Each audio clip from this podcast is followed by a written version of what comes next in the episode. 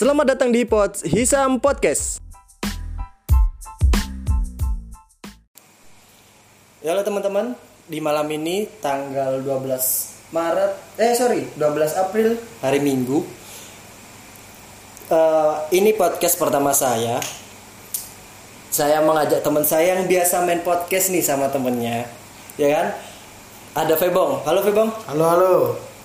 Halo teman-teman semua pendengar podcast Hisyam. Ya. Apa namanya Sam podcastnya? Hipots Hisam Podcast. Ya. Sebenarnya kamu iki bikin podcast perkara apa sih? Jadi gini bro. Seasik kan. Iya iya iya. Ya apa ya apa? Jadi gini. Aku tuh awalnya itu dari kamu pertama kali posting podcast yang sama Ricky. Ricky ya, sama Luak Ricky. Podcast, Luak ya? podcast. Oke, jangan lupa di Luak podcast juga ada Febri atau Febong. Di aku juga juga punya. Juga. Oh iya. Febrilian Surya. Febri.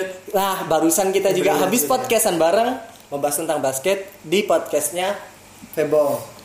Ya. Nah, jadi karena aku masih newbie lah, masih baru pertama kali, jadi aku ngajak temenku yang sudah biasa main podcast. Ya kan gimana? Gak biasa sih sebenarnya karena kan podcast ini ada kan karena keresahan sebenarnya. Iya. Jadi ODW itu nek nek ODW bien, ada zaman bien, nek misalnya kita rasa kan kita kan selalu buat status di Facebook ya. Oh, siap. Ya kan, bahkan Dan Twitter, ya. dulu Twitter gak ada cuy Iya, cuy. Facebook Iya, iya. toh kan bahkan yo sebelum Facebook pun kita ketika kita resah kita cuman punya buku buku diary kan Iya. buku diary gak sih Buku dari, ya. punya kan jadi Dulu kan buat buat apa namanya? Surat-suratan. Iya. Tuker-tukeran sama temannya lo punya dari apa, boleh yang Iya, ini, iya. ya kan? dulu aku sampai sampai banyak teman cewek ya, teman cewek gara-gara punya diary. Asik. jadi kita tuh tuker-tukeran binder. Tuker-tukeran binder? Isi. dan buat deketin kan? iya. Jadi jadi dulu kalau binder itu kan ada macam-macam ya. Iya, ada, iya. ada gambar-gambar Hello Kitty ada gambar-gambar Power Rangers. Nah aku itu nek biar zamanku SD senang sama cewek aku suka bawain dia binder. Eh ini ada isi binder nih baru.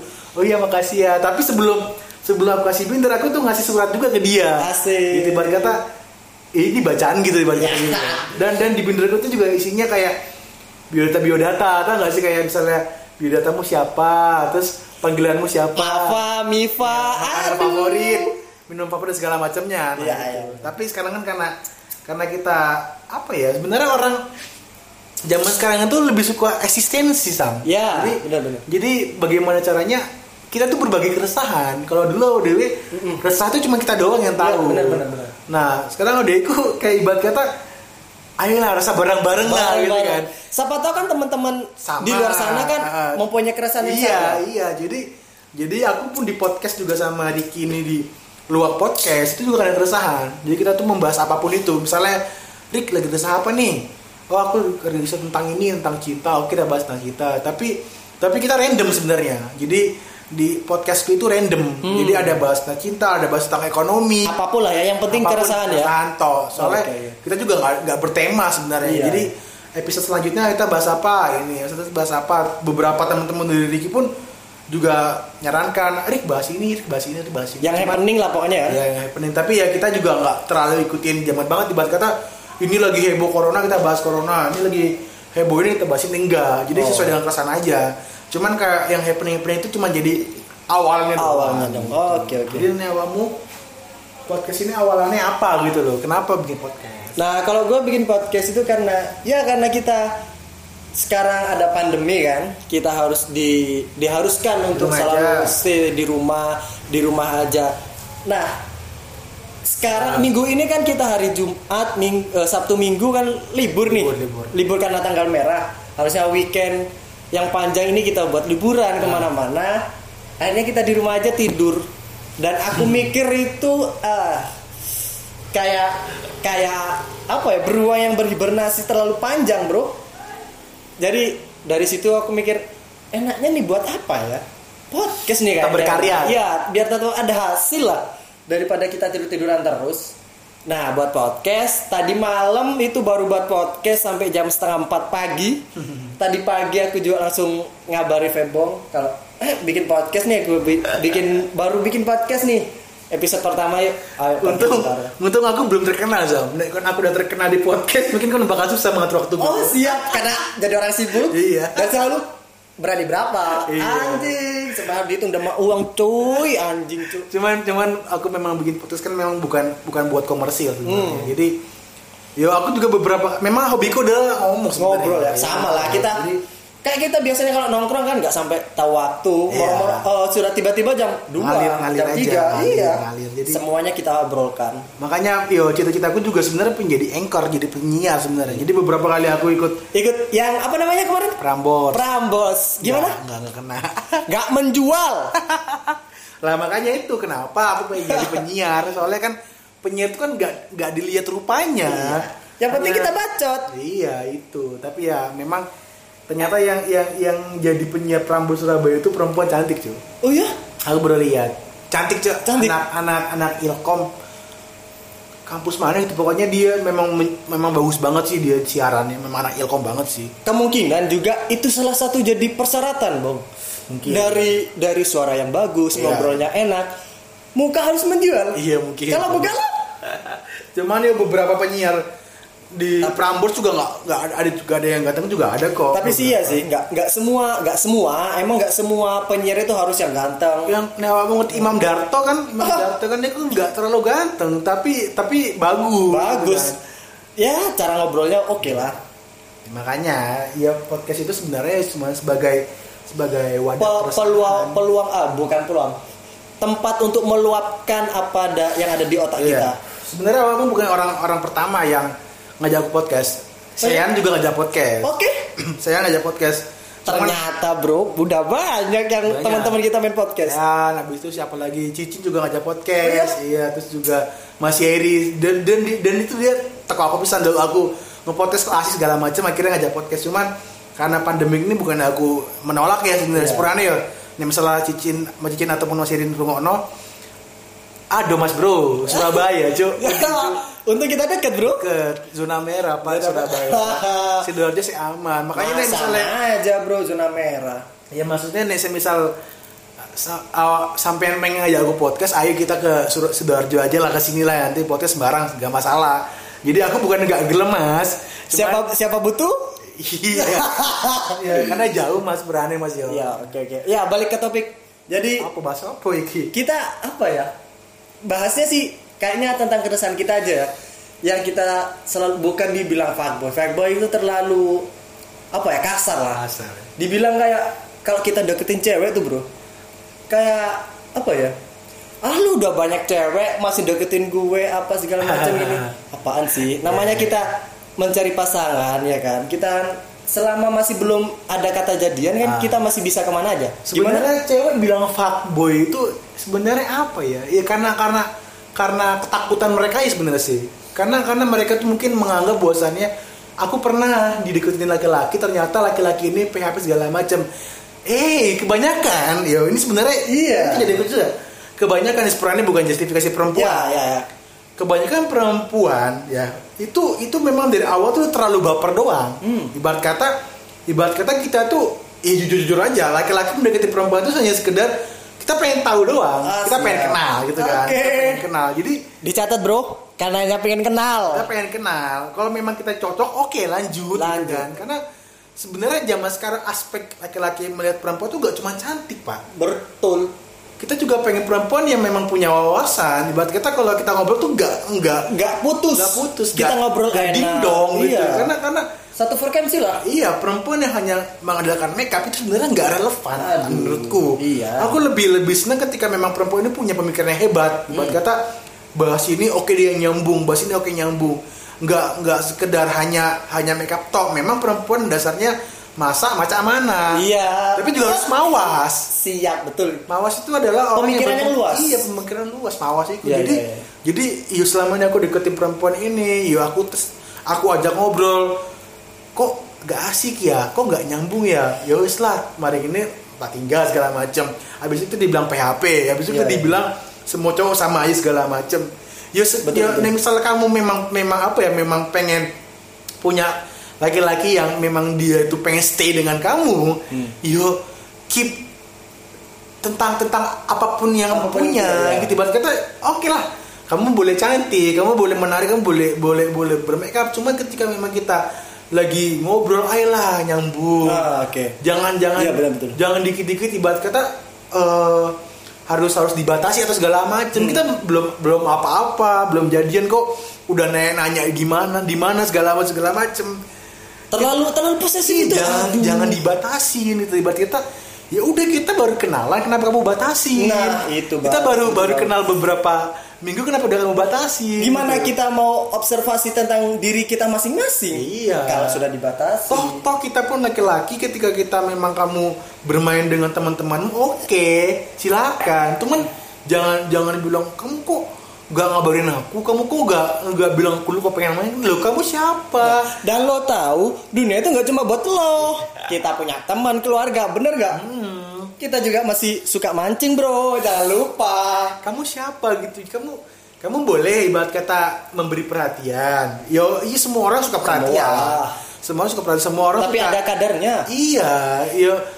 Kita kita main kita nongkrong dengan teman-teman cowok sama ya udah ya ada ada quality time dengan kamu ada quality time dengan teman-teman Teman-teman. kita juga jadi Betul. jadi eh, ketika akhirnya laki-laki ini bosen ataupun laki-laki ini ngerasa apa sih kok terlalu terlalu membatasi kok terlalu mengakang kita tinggalin kok dia malah marah-marah Nah. makanya kan kembali diri kamu mawas diri berkata ya udahlah kita ini sebagai sebagai apa ya masih awal pendekatan gitu Iya, ibarat kata betul. kan kita belum nikah kita belum punya anak Pacaran itu kan observasi diri Iya, kan, gimana kita diri. masing-masing. iya betul. Memang yo pengalamanku bisa selama aku pacaran gitu Hmm. kan kenapa kok yo kamu terlalu terlalu melarang-larang? Aku pergi ngopi kok dibilang kok ngopi terus? segala macam ya ngopi ya itu habitku pak gitu Ya. kan. Itu itu itu kesukaanku. Toh kita ngopi nggak aneh-aneh gitu kan. Toh kita ngopi cuma sekedar Nongkrong, beli kopi, kita ngerokok. Iya udah, nggak Ngobrol. main cewek, nggak Nah. apa karena lingkup pembahasan kita di dalam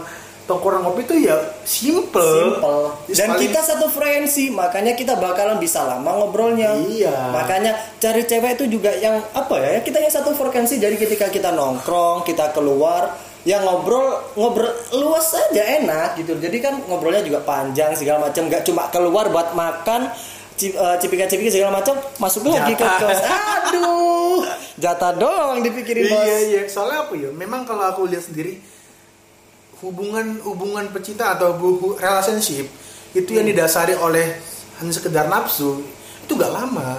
Oh iya karena betul. karena memang nafsu itu bakal bakal bakal bosen pak. Bener deh. Yes. Dan ketika ngelihat orang lain yang lebih dari pacarmu, akalan berindah. Iya, tapi ketika misalnya kamu punya punya punya poin lebih, value Iya. lebih, ibarat kata nilaimu ada dalam hal dalam hal pengetahuan ataupun pembahasan lain itu akan jadi jadi asik misalnya Iya, gitu kan. betul-betul banget. Iya, misalnya jadi jangan jangan anggap dalam lagi ngechat apa lagi nelfon ibarat kata cuma hanya sekedar udah makan segala macam ya udah kita pun bosen ibarat kata Iya. Ya, jadi jangan nganggap harus laki-laki yang buat cari bahan enggak. Iya.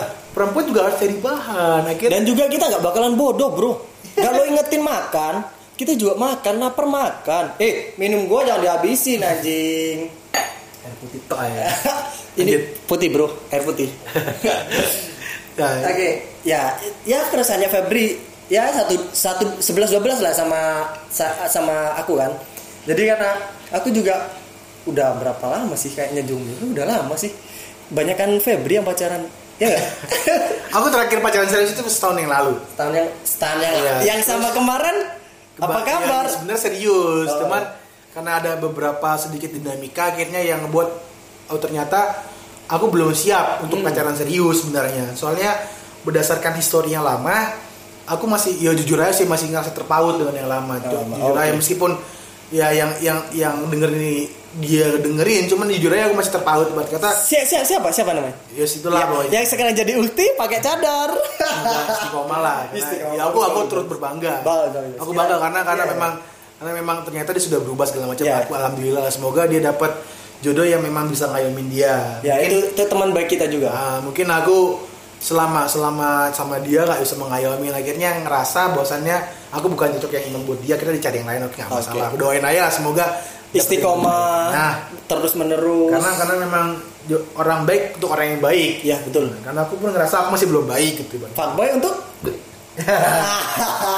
Aku masih suka buka isi browser. Oh, lihat apa itu? Ya pokoknya gitulah. Ah, yang ta- yang tahu tahu aja lah ya ya apa ya. Apa mana ya ya jadi ya sama lah sama keresahan kita kan 11 12 jadi sama kayak aku juga lama menjomblo karena apa ya? Pilih eh, pilihan pertama karena eh, si bukan sibuk sih kayak kurang waktunya itu karena kemarin aku baru lulus ya kan.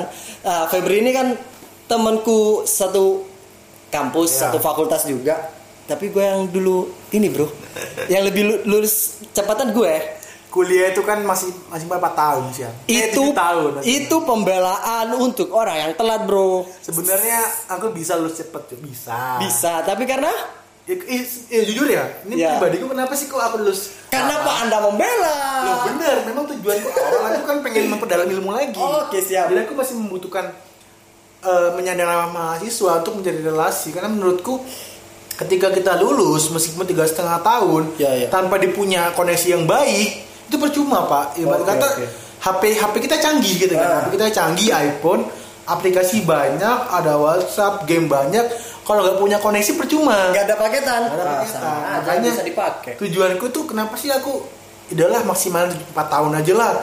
Untuk untuk mencari relasi lagi. Karena aku pengen pengen ikut organisasi luar lagi sebenarnya. Pengen Oke, ikut oke. HMI lah. HMI, oke, Iya, oke, jadi oke. jadi pengen menambah relasi lagi pengen menambah teman lagi. Jadi ketika nanti aku lulus sebagai sarja, sar, eh, menyandang sarjana S1 manajemen itu aku punya koneksi. Jadi nggak sulit-sulit banget lah buat cari koneksi atau menjadi kerja segala macem. Karena cari koneksi apa cari pacar? Pacar mah gampang lah. Aduh. Iya, bener deh. Tapi menambah koneksi itu juga untuk menambah? Ya perempuan. Ya. Sama aja kan akhirnya. Sebenarnya ya aku balik lagi ke manajemen ya. Ya. dan ke manajemen ini benar-benar sulit pak. Ya, Oke, oke. ya, awal dia ngerti lulusan humaniora hukum hukum ekonomi politik terus juga sastra dan sosial itu sebenarnya banyak banget di Indonesia.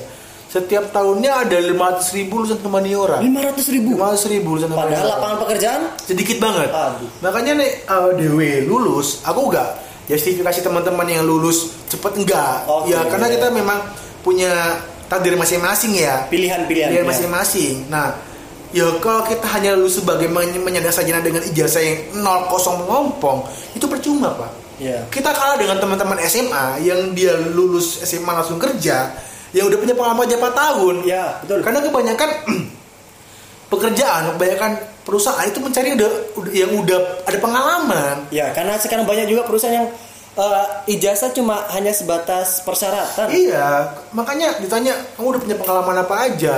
Ya jarang, jarang, jarang perusahaan yang menerima fresh graduate, Iya, jarang banget. jarang banget. Banget, makanya makanya selama saya kuliah saya menambah ilmu di organisasi, tiga tahun saya di organisasi, itu menambah pengetahuan saya. Istilahnya ketika saya nanti lulus kuliah, saya nggak kosong melompong banget. Oke. Fresh graduate saya itu ada Ada gunanya. value-nya. Iya, ada value-nya. Oh, ditanya pengalaman kerja kamu apa? Oh, memang saya nggak punya pengalaman kerja apa. Tapi selama saya kampus saya punya organisasi. Organisasi, oke. Jadi jadi aku tahu sebenarnya bagaimana dinamika dalam perusahaan itu sama dengan organisasi. Sama, awalmu kan tahu jadi kaima. Ya ya. Aku tahu jadi kita, DPR. Kita sama-sama dulu pernah di organisasi yang iya, sama ya. benar. Karena kan perusahaan itu kan dia mengelola, Pak. Iya, benar, Ya kan, mengatur. Mengatur. Berorganisasi juga kan. Iya.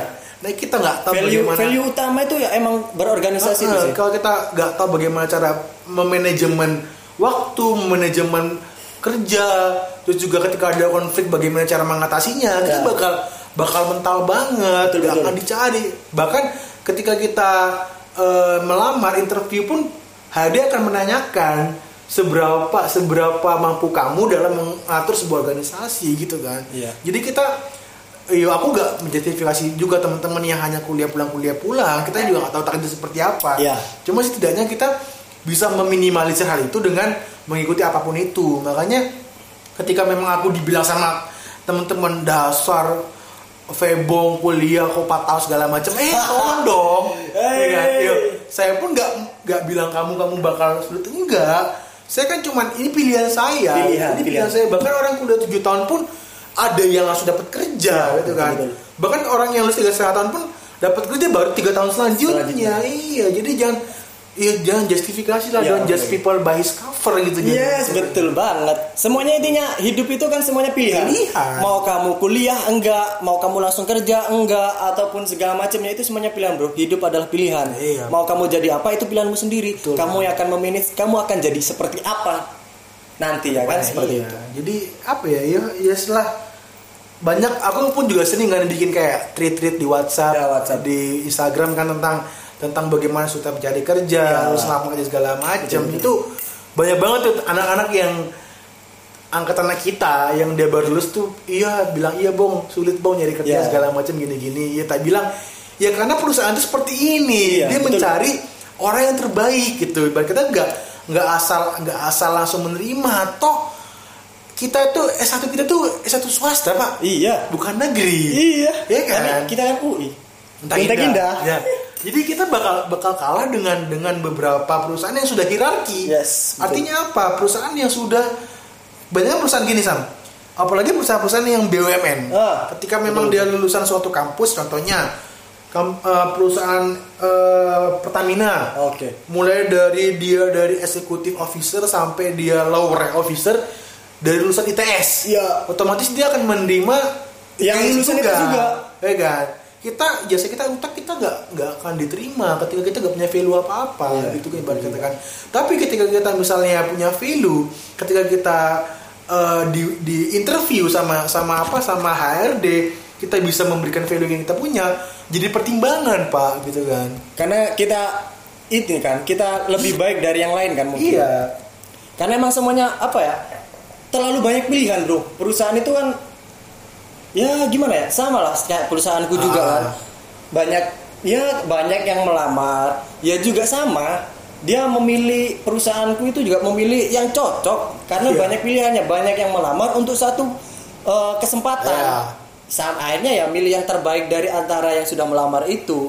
Terus aku juga sering apa ya, sering sering sering sering resah sama orang-orang yang kalau misalnya tahu nggak sih banyak kan orang-orang yang baru lulus kuliah gitu ya, dia sering nge-repost di Instagram tentang kerja eh, perusahaan itu hanya mencari orang-orang punya orang dalam. Hmm.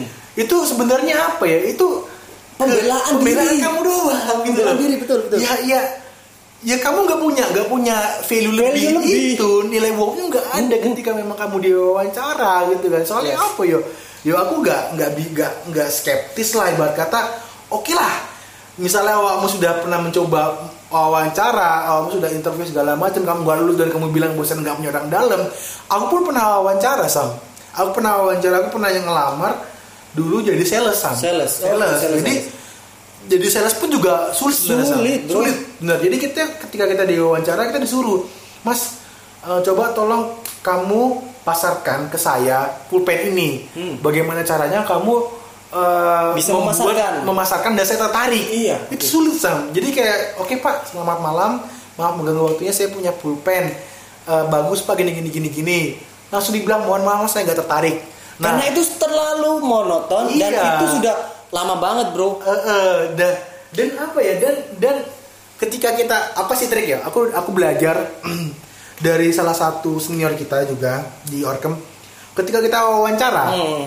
wawancara dengan dengan dengan dengan HR di perusahaan bagaimana cara kita percaya diri Yes. karena karena penting penting penting. iya HR itu akan melihat seberapa percaya dirinya kamu Oke. gitu kan ketika kita misalnya ditanya silakan perkenalkan diri anda kebanyakan orang kebanyakan orang itu hanya nama tok Mm-mm. ya kan cuman perkenalkan nama saya Febriana Surya Lulusan dari sini. Lulusan ini udah itu doang Iya.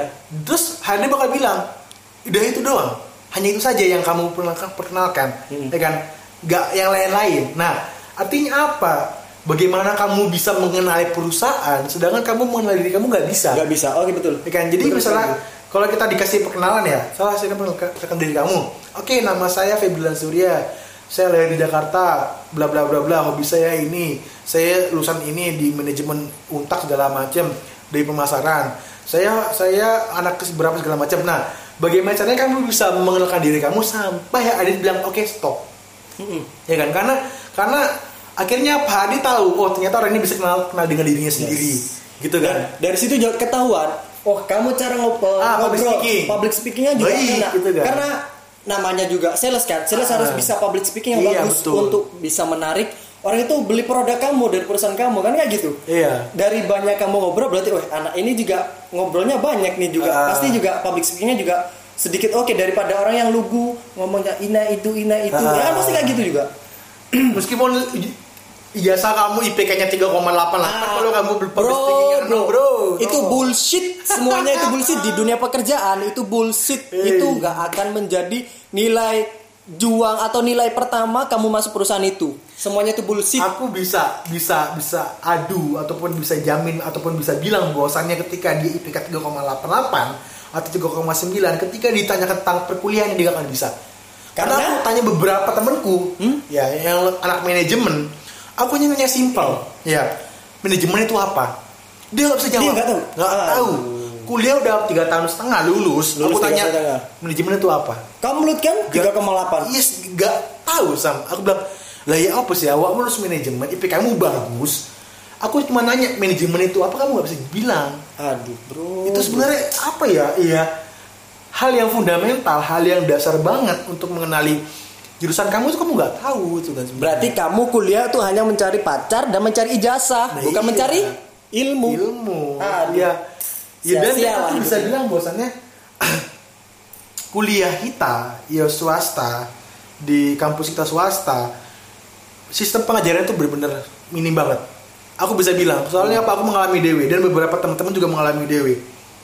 Ketika kita di dalam perkuliahan, dosen juga mempengaruhi, Pak. Ya ya betul betul, Awal awal dewe ngerti lah, dosen kita tua-tua kan. Ya. Ya kan. Jadi ketika Betul, kita kita belajar pun kita bertanya kepada dosen yang banyak dosen nggak nggak akan mau menerima. Iya. Ya kan. Hanya Karena- sekedar menjelaskan secara teorema, teoretik. Kita bertanya dengan dengan isu yang ada sekarang, sekarang, itu ya. nggak nggak relevan. Karena ada dosen kelas satu, dia eh, mata kuliah per konsumen. Aku kan bahas konsumen ya, aku Hmm. penasaran kan. Aku lihat dia dia bawa buku, buku tebel tentang konsumen, Hmm. tapi terbitan 1970 berapa gitu. sudah lama banget Lama bro banget, sedangkan kan? ilmu selalu bertambah bertambah dan bertambah. selalu ada pembaruan Iya, dia tuh hanya tentang teori konsumen yang konvensional. Sedangkan kita sudah masuk ke era digital. digital online. 4.0 Iya, jadi aku aku aku nanya tentang relevansi bagaimana cara kita menarik konsumen di era digital dia nggak bisa. Karena apa? Karena di bukunya tuh nggak ada. terlalu kudet lah ya kita Iya. bilang ya Akhirnya apa ya? Aku selama ini aku belajar itu dari luar. Aku belajar dari teman-teman yang udah lulus, yang sudah bekerja. Iya, iya. Bahkan dari podcast pun aku juga belajar. Oh ternyata seperti ini, oh ternyata seperti seperti seperti ini. Jadi ilmu yang tak dapat dalam jurusanku itu gak hanya dari kampus. Dari kampus. Dari luar sih. kan? Iya, satu itu sih aja. karena belajar juga nggak harus kita ngampus dan segala Ah, macam ah, ah. kita nongkrong pun ngopi pun juga itu bisa untuk belajar Nah, jadi jadi makanya aku kan juga mengulang, aku ngulang sama, aku ulang mata kuliah pengantar manajemen. pengantar manajemen Iya, jadi jadi anak-anak ngomong, apa sih bong, kon kok ngulang, kon koyo wong gendeng aja ngulang segala Ah. macam. Padahal nilai pengantar manajemenku AB loh, yang dulu. Ah. Tapi tak ulang lagi. Dan aku bilang ke dosennya, Bu, saya saya mohon, saya ngulang pengantar manajemen ini bukan karena saya nilai saya buruk bu, tapi saya pengen tahu mendalami manajemen sebelum saya lulus. Jadi saya pengen mohon bu, ketika kita nanti belajar, saya ngomong ke Bu Anjar, oh Bu Anjar. oh banjar Bu Anjar. Bu, halo banjar Eh, ke Bu Anjar Bu nanti kita belajar tentang bagaimana kondisi sekarang Bu. Jadi misalnya kita isu pandemik ini seperti apa, efeknya ke ekonomi seperti perusahaan apa, apa, ya. perusahaan seperti apa, saya pengen seperti itu Bu. Oke akhirnya Ibu Anjar menerima. Jadi sebelum pandemik kan masih ada perkuliahan ya. Perkuliahan, ya.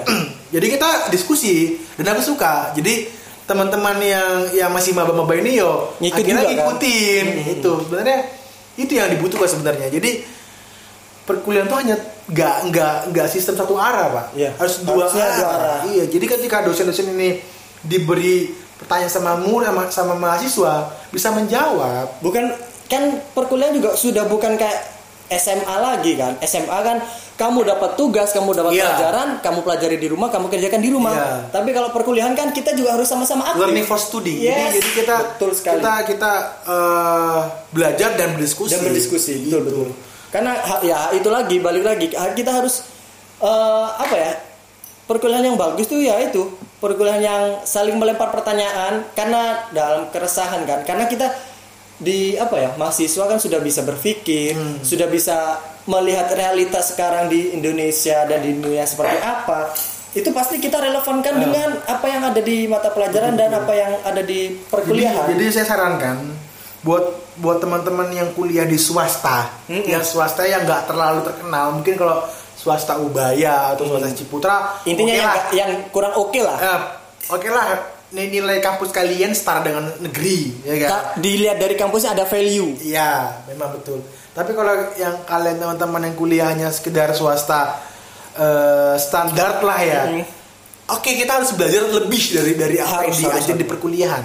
Jadi jangan jangan dibuat kata ketika kita diajak diskusi dengan dosen atau dengan teman-teman itu jangan jangan getu pak. Ah. Jangan jangan jangan ngeluh gitu.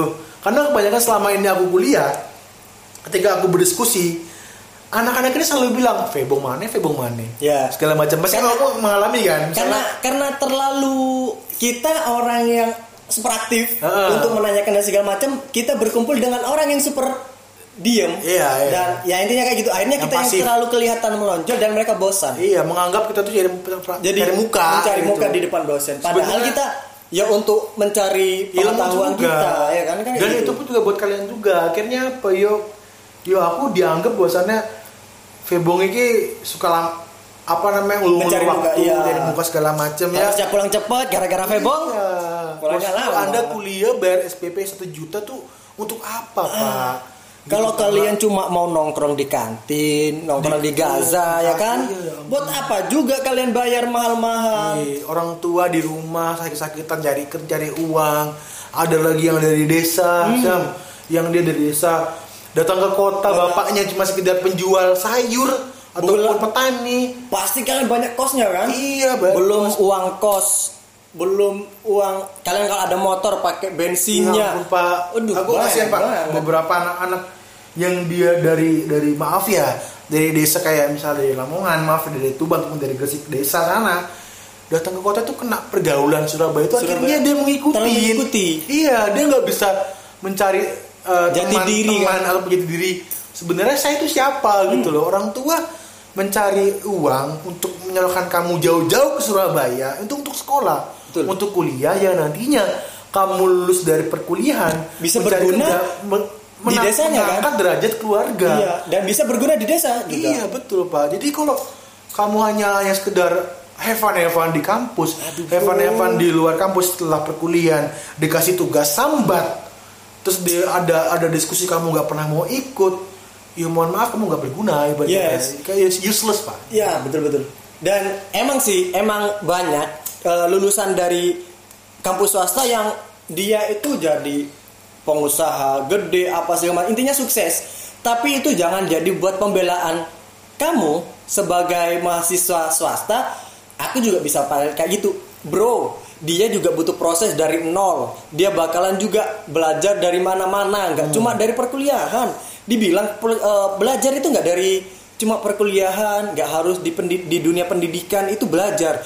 Kita di tongkrongan juga bisa belajar. Ya, ya. Kita di pinggir jalan ketemu orang ngobrol nyambung itu juga bisa buat pelajaran untuk kita kan apa yang ada di mereka yang nggak ada dapat di kita dapat dari situ itu semuanya pelajaran bro pengetahuan itu wah penting banget di mana pun ada aku pernah baca salah satu artikel.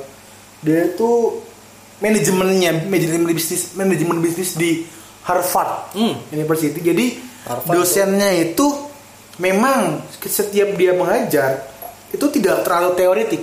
Ibarat kata bener-bener langsung ke praktisinya. Ah. jadi jadi dia langsung mengambil contoh misalnya perusahaan-perusahaan ini valid kenapa alasannya? Jadi setiap mahasiswa itu harus diwajibkan untuk mencari solusi jadi pelajarannya langsung objektif ke Iya. permasalahan yang ada diajarkan untuk problem solving pak Hmm. pemecahan masalah soalnya masalah, ya. soalnya nih, uh, dewi pribadi ketika kita tidak bisa problem solving itu nol besar pak aduh bener-bener soalnya memang awal apa awal ngerti dewi ketika misalnya dalam perusahaan ya, Hmm. dalam perusahaan kita Betul, betul. ada masalah yang berkaitan dengan penjualan ataupun produksi ataupun keuangan kita nggak punya solusi kita nol besar ah bakalan ditendang Iya betul.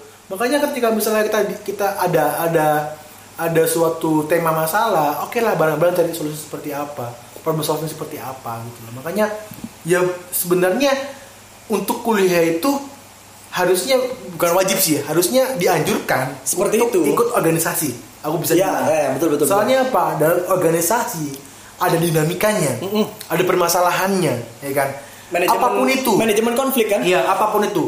Pengen organisasi intrakampus, ekstra kampus ataupun UKM Iya. terserah. Karena dalam organisasi ada masalah dan kita dituntut untuk menyelesaikan masalah, masalah. itu. Seperti apa solusinya. Jadi ketika kita nanti terjun ke masyarakat ataupun terjun ke perusahaan, ketika ada masalah ada masalah apa pun itu kita bisa memecahkan masalah seperti itu. Iya betul. Karena emang di dunia pekerjaan bro, eh, sangat terlihat gitu. Iya. Jadi backgroundnya yang cuma kupu-kupu, kuliah pulang kuliah pulang sama dengan anak-anak yang organisasi.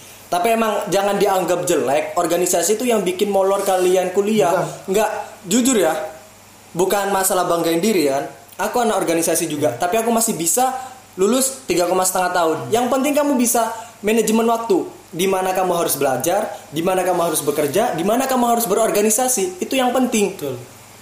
Jadi Nggak semuanya anak organisasi itu kuliahnya molor.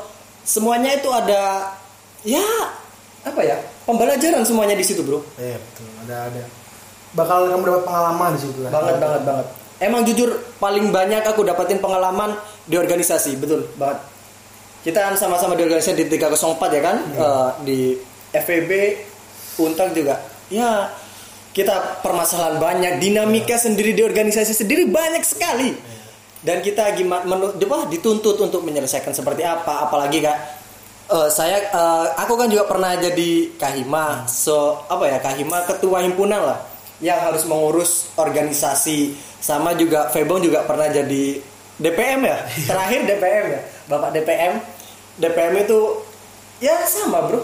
Beda legislatif coba. maksudnya iya. Maksudnya sama kita memimpin sebuah organisasi yang di, dan di mana di dalamnya tuh masalah Iya. semua.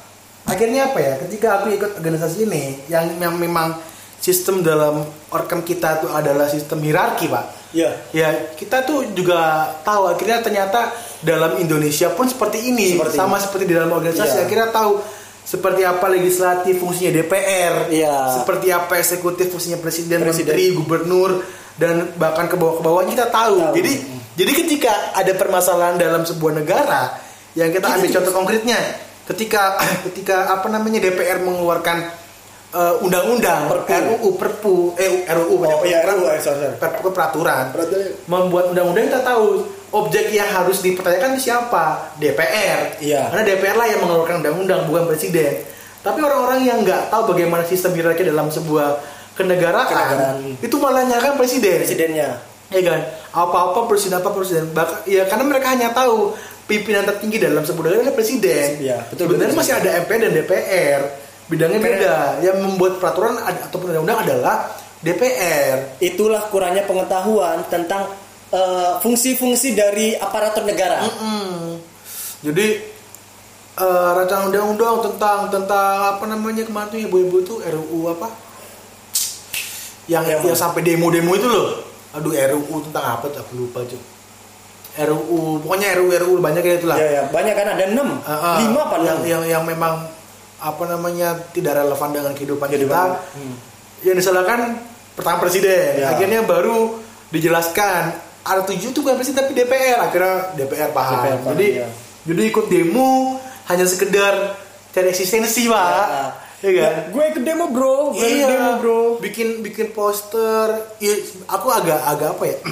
akhirnya agak prihatin. demo itu sudah beda unsur yang akan dibawa kan Iya. karena itu Sampai sampai yang terkait kewanitaan juga itu Ya. kan. Sampai sampai jangan ini terus biarkan Aukarin apalah itulah. Iya, apa sih? Kamu kamu bikin poster yang yang tidak ada sangkut pautan dengan undang-undang yang akan disahkan akhirnya kita ngelihat bahwasannya RUU ini sebagai sebagai lelucon Nah, guyonan. Karena karena kamu sendirilah yang membawa lelucon kita bandingkan dengan tahun 98 Mm-mm, ketika beda. memang mahasiswa-mahasiswa turun ke jalanan untuk menyuarakan aspirasi rakyat gitu kan.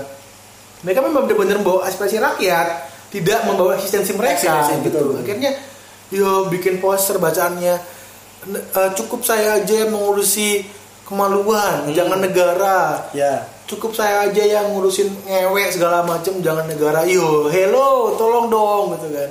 Kalau lo cari eksistensi jangan di situ bro. Iya dong. itu mas menyangkut masalah kenegaraan itu negara kita bro ngapain lo cari eksistensi di situ akhirnya demo itu kan dianggapnya hanya cuma apa ya ya hanya demo-demo yang nggak Ya, ya berkualitas betul betul. Akhirnya apa ya? Ya pemahaman mereka terkait fungsi mahasiswa itu benar-benar gak ada.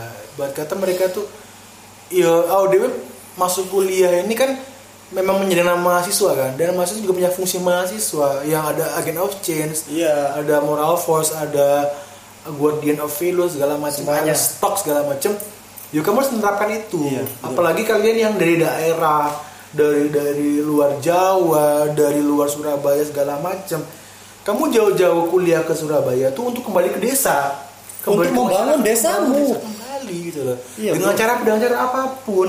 Entah kamu nanti eh, lulus kuliah punya usaha kecil menengah, akhirnya kamu bisa mem- memperdayakan masyarakat di sana itu is oke jadi ayolah kita belajar bagaimana bersosialisasi bagaimana kehidupan sosial. Jadi mahasiswa itu nggak hanya sekedar egoisitas toh. Betul. Kita nggak boleh subjektif objektif. Sebenarnya harus banyak yang harus kita lihat Ya. gitu loh. Jadi pandangan kita harus luas. Berarti kita jangan jangan seperti kuda delman pak. Iya, yang kuda hanya delman kan kuda delman tuh ditarik dan juga punya kacamata kuda kan. Dan hanya Yang untuk menarik iya. Ini. jadi kita tuh harus harus melihat luas ibarat kata karena apa karena ada istilah bahwasannya orang yang berilmu itu seperti berdiri di atas gedung yang tinggi betul Sedangkan orang nggak berilmu itu hanya berdiri seratanya mereka Serata. doang. Oh, artinya apa? Ketika nanti kita berdiri di gedung yang tinggi, ada tsunami dari jauh, kita udah tahu apa harus kita lakukan. Ya. Antisipasi seperti apa, solusi seperti apa, ya kan? Ya. Karena kita udah tahu akan apa yang akan terjadi. Terjadi. Sedangkan kalau kita hanya sebatas mata mata memandang doang, ada tsunami kita bingung bingung kita akan kita akan mati, kita akan hilang, kita akan diterjang tsunami, ya guys. Sedangkan kalau kita berdiri di atas gunung tinggi kita selamat. yes Kita harus seperti apa, antisipasinya kita harus pergi, kita harus menjauh segala macam. Itu fungsinya. Dan satu lagi, jangan pernah menyalahkan orang-orang di kampungmu ketika kamu sudah lulus, kamu kembali ke desa, kamu akan dikucilkan ataupun apa. Karena kamu sudah selesai mencari pengetahuan yang banyak di dalam dunia perkuliahan, kamu balik ke desa, harusnya pengetahuan itu kamu sebarlah di desa, kamu buatlah program apa segala macam untuk membantu mengangkat desa kalian bukan hanya untuk membanggakan gua halu sudah lulus di kota Surabaya dengan sarjana si IPK sekian sekian sekian tapi kamu nggak bisa merubah desa kamu itu akan sebuah apa ya menjadi ya sebuah bahan guyonan dan bahan Iya, iya betul betul. itu di Ini- desa kalian Kejadian sama di da- daerah rumahku, kan daerah rumahku kan sidoarjo ya. sidoarjo ya Itu kan jalannya rusak kan, Hmm. rusak banget. Bahkan di depan di depan di depan sekolah, di depan kelurahan di depan sekolah SD, itu jalannya rusak. Aku menghimpun beberapa teman-teman mahasiswa yang ingin aku ajak untuk kita beraudiensi ke kelurahan atau kecamatan gitu kan. Ketika aku ajak teman-teman ini yang saya dapat 10 orang, tak ajak untuk audiensi nggak mau sam. kenapa Ya alasannya karena karena itu udah diurus sama Karang Taruna lah, itu Hmm. udah diurus sama sama desa segala macam lah. Bahkan ini jalan ini udah rusak dari dari awal tahun 2019 19. sampai sekarang masih belum diperbaiki. 2020 sekarang bro Iya, bahkan udah banyak korbannya, ibarat kita udah banyak yang jatuh, udah banyak kecelakaan segala macam, debunya banyak segala macam itu jadi masalah. Aduh. Sedangkan jalan ini sebagai sebagai infrastruktur utama untuk untuk pendidikan, untuk ekonomi dan segala macamnya. Kalau misalnya harus rusak seperti itu kan sayang sekali pak. Terus Betul, aku ajak ayo lagi nih segala macam. Pertama iya iya aja. ketika sudah ke konsepnya Iya, nggak ada yang mau ikut. Akhirnya adalah aku mental-mental dewa. Akhirnya adalah memang susah untuk untuk untuk mengajaknya ya. Cuman emang emang susah menjadi sebuah apa ya pembeda dalam Iya. sebuah inisiator. iya ini jadi inisiator itu susah Bro. karena ya zaman dahulu ketika zamannya Soekarno ada ada forum pemuda kayak Jong Java, Jong Ambon, Jong uh, Sumatera segala macam itu memang benar-benar semangat mereka karena memang dia dia itu tidak dalam zona yang nyaman. Hmm. Ya. Karena mereka tahu bahwasannya ketika mereka memang aman-aman aja, mereka akan dijajah lagi oleh Belanda. Sedangkan kita zaman sekarang orang-orang tuh di zona- nyaman, Pak. Aku bisa bilang kita di zona, Zona nyaman. nyaman. Mahasiswa sekarang tuh benar-benar nyaman dengan uang kiriman orang tua, dengan gaya hidup mereka yang terpenuhi. Bagi kita, Pak. Jadi, ya lah, penting aku kuliah, aku terpenuhi, apa pun aku minta ke orang tua aku bisa bisa bisa bisa beli, bisa bisa ngopi, bisa cangkruk. Ya aku lulus kuliah kerja, ibarat kata ngono. dan gak segampang itu Gak segampang itu. Kamu kamu nggak tahu bagaimana nanti kerja seperti apa kamu Susahnya cari tahu- kerja dulu tuh. ah. iya hidup sosial seperti apa kalau kamu nggak menempa mental gitu Hmm. Kata karena karena kamu masih dalam zona nyaman kalau kamu dari awal sudah menempa mental kamu sudah tahu bagaimana cara menghadapi orang gitu kan menghadapi orang yang lebih pintar dari kamu terus menghargai orang yang di bawah kamu kamu akhirnya punya punya apa ya punya punya eh, balance di situ keseimbangan. Jadi Keseimbangan. jadi kamu bisa bisa tahu seperti kapan aku harus offense kapan aku harus, Harus defense, defense, gitu. Ibarat kata oke ketika memang ada yang yang saya rasa ini tidak tidak relevan saya offense Oke. ketika saya di sana saya defense Ah, gitu betul, betul. tapi jangan sampai defense yang saya lakukan itu bukan bukan hanya sekedar defense yang tidak rasional Hmm. tapi defense yang rasional nah ketika kita defense yang rasional kita punya serangan balik yang benar-benar bisa diterima orang banyak juga gitu Karena eh, defense yang terlalu juga bikin bikin apa ya? Bikin masalah juga akhirnya. Contoh aja ya kan yang la- lagi rame kan beberapa waktu lalu kan kayak orang berla- belanja karena kita pandemi kan belanja ke supermarket pakai APD, pakai Iya, iya, hazmat segala macam. itu goblok apa ya? anjing kamu terlalu terlalu gitu loh kamu nggak nggak relevan kan Iya. kamu harus ke supermarket pakai APD alasannya dengan untuk menjaga diri segala macam hey bro di Indonesia itu masih kebut kekurangan APD untuk para medis yang secara langsung eh, apa ya me- mengurusi pasien yang positif COVID gitu loh. Kenapa lo yang harusnya nggak seperti itu harus defend berlebih seperti Ya, itu? harusnya kamu juga cuma bisa pakai eh, masker cuci tangan yang bersih udah. Mending-mending kita bahas itu di episode selanjutnya aja biar Oke, gak siap. biar gak habis bahan. gak habis bahan, oke. aku tahu nih awal mau habis bahan bingung cuy ya ya ya oke oke. Ya udah Kak, teman-teman mungkin bacotan kita atau keresahan-keresahan kita cukup sampai jadi sini. itu temanya aku apa ya Gi? Ya ya nanti dulu lah ya kan karena dari bahas bahas awal bahas cinta kok Bahas jadi cinta jadinya mahasiswa. bahas mahasiswa. oh aku tahu judulnya nanti apa apa apa, apa cuy kehidupan mahasiswa masa kini Oke siap Dalam- di zaman milenial. Oke. Jadi ya begitulah bro. itu aja ya Itu aja podcast kita malam ini dengan Febrilan Surya. jangan lupa podcast saya juga di Di follow juga didengarkan di Spotify di Spotify. Oke kita akan rilisnya nanti di Spotify bro. Oke. Eh, sampai di sini aja untuk malam ini untuk episode ini. Ya mungkin kita sambung episode yang akan datang lagi bro. ya bye Bye. Selamat malam teman-teman.